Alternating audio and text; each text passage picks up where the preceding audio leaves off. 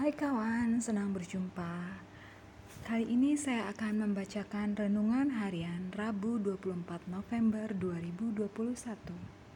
Bacaan dari Galatia 1 ayat 10 sampai 24. Galatia 1 ayat 22.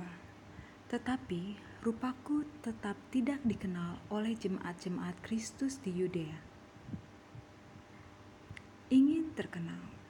Siapa mengenal Musa saat dirinya mengembalakan ternak milik mertuanya di padang Midian? Atau pemuda Daud tatkala dirinya menjaga kawanan domba ayahnya di padang Efrata? Atau Yusuf ketika dirinya mendekam di penjara Mesir? Atau Elia manakala di tepian sungai Kerit ia hanya bergaul dengan burung gagak? Tak banyak namun, harus diakui, keadaan tak dikenal adalah salah satu cara Tuhan melengkapi hamba-hambanya dengan karakter yang rendah hati.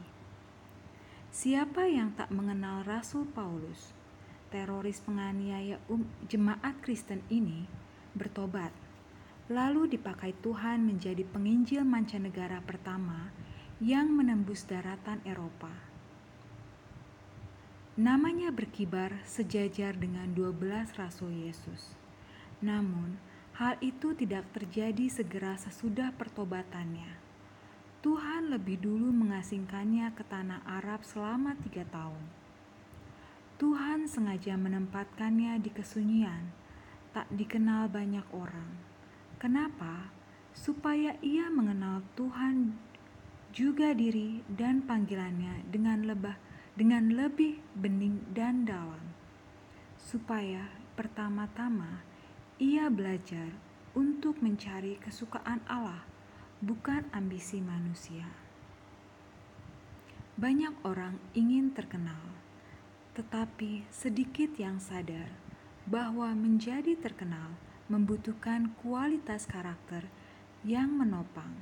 Salah satunya ialah kerendahan hati.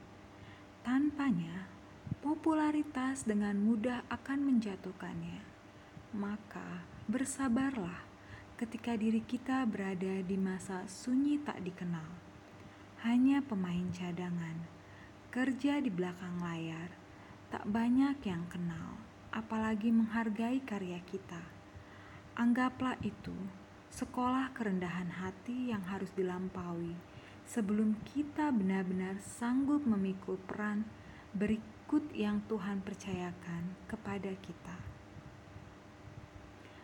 Inti renungan kita hari ini adalah bersikap sabar di masa tidak dikenal, menolong kita tetap sadar ketika sudah menjadi terkenal. Amin.